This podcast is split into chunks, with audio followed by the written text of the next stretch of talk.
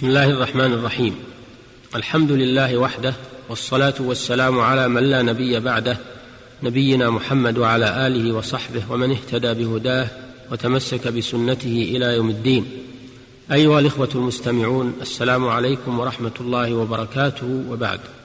فنتحدث إليكم في هذه الحلقة عن الآداب التي ينبغي توافرها في القاضي بعد أن أسلفنا في الحلقة الماضية الصفات التي يشترط توافرها في القاضي والمراد بالآداب هنا الأخلاق التي ينبغي له التخلق بها.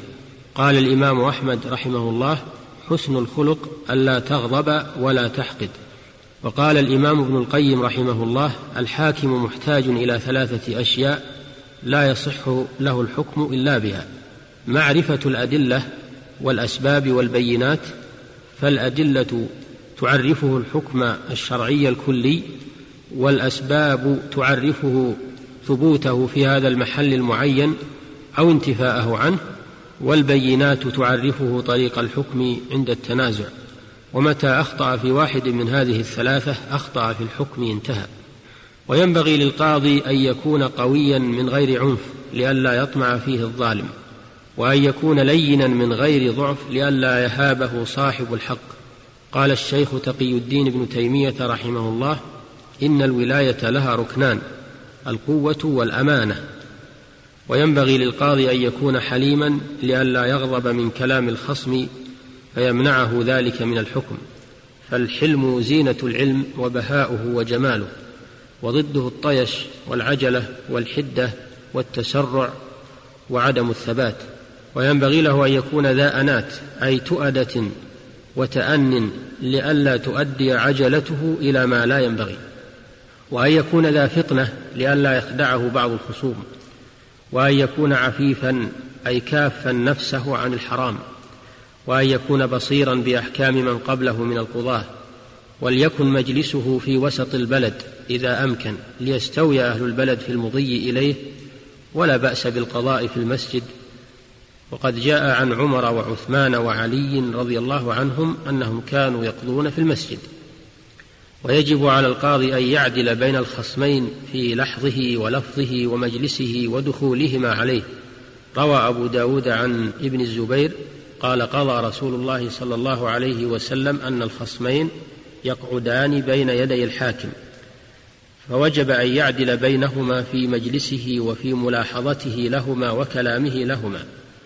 قال الإمام ابن القيم نهي عن رفع نهي عن رفع أحد الخصمين عن الآخر وعن الإقبال وعن الإقبال عليه وعن مشاورته والقيام له دون خصمه لئلا يكون ذريعة إلى انكسار قلب الآخر وضعفه عن القيام بحجته وثقل لسانه بها. ولا يتنكر للخصوم لما في التنكر لهم من إضعاف نفوسهم وكسر قلوبهم وإخراس ألسنتهم عن, عن التكلم بحججهم. ويحرم على القاضي أن يسار أحد الخصمين أو يلقنه حجته أو يضيفه أو يعلمه كيف يدعي إلا أن يترك ما يلزمه من الدعوة. وينبغي للقاضي أن يحضر مجلسه الفقهاء وأن يشاورهم فيما يشكل عليه إن أمكن. فإذا اتضح له الحكم حكم به وإلا أخره حتى يتضح. ويحرم على القاضي أن يقضي وهو غضبان غضبا كثيرا لما في الحديث المتفق عليه أن النبي صلى الله عليه وسلم قال لا يقضين حاكم بين اثنين وهو غضبان ولأن الغضب يشوش عليه قلبه وذهنه ويمنعه من كمال الفهم ويحول بينه وبين استيفاء النظر ويعمي عليه طريق العلم والقصد.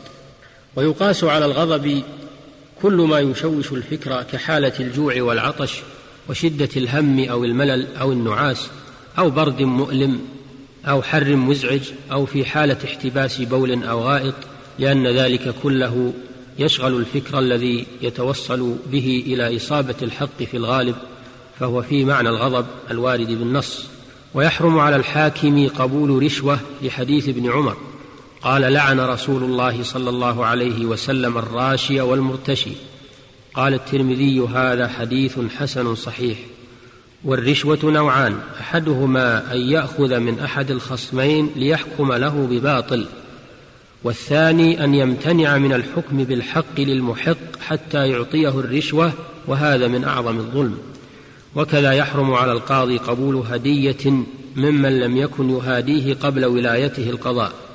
لقول النبي صلى الله عليه وسلم هدايا العمال غلول رواه أحمد. ولأن قبول الهدية ممن لم تجر عادته بمهاداته ذريعة إلى قضاء حاجته. ويكره للقاضي ويكره للقاضي تعاطي البيع تعاطي البيع والشراء إلا بوكيل لا يعرف أنه له خشية المحاباة فإن المحاباة في البيع والشراء كالهدية.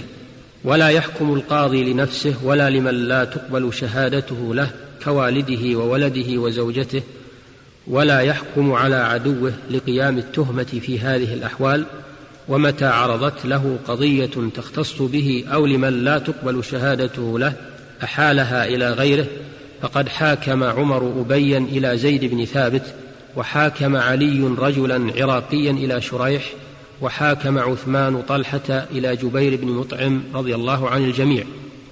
ويستحب للقاضي أن يقدم النظر في القضايا التي تستدعي حالة أصحابها سرعة النظر فيها كقضايا المساجين وقضايا القصار من الأيتام والمجانين ثم قضايا الأوقاف والوصايا التي ليس لها ناظر. ولا ينقض من أحكام القاضي إلا ما خالف الكتاب والسنة أو خالف اجماعا قطعيا. فما كان كذلك وجب نقضه لمخالفته الكتاب والسنة أو الإجماع. أيها المستمع الكريم بهذا الاستعراض السريع لآداب القاضي يتبين عدالة القضاء في الإسلام وما يكون عليه القضاة من المستوى الرفيع مما تعجز كل نظم الأرض عن الإتيان بمثله أو قريب منه. وصدق الله العظيم أفحكم الجاهلية يبغون. ومن أحسن من الله حكما لقوم يوقنون. فقبح الله قوما أعرضوا عن هذا الحكم الرباني واستبدلوه بالقانون الشيطاني وهؤلاء قد بدلوا نعمة الله كفرا وأحلوا قومهم دار البوار جهنم يصلونها وبئس القرار. اللهم ارزقنا التمسك بكتابك والتحاكم إلى شريعتك ولا تسلط علينا بذنوبنا من لا يخافك ولا يرحمنا. وإلى الحلقة القادمة بإذن الله. السلام عليكم ورحمة الله وبركاته. والحمد لله رب العالمين وصلى الله وسلم على نبينا محمد وآله وصحبه.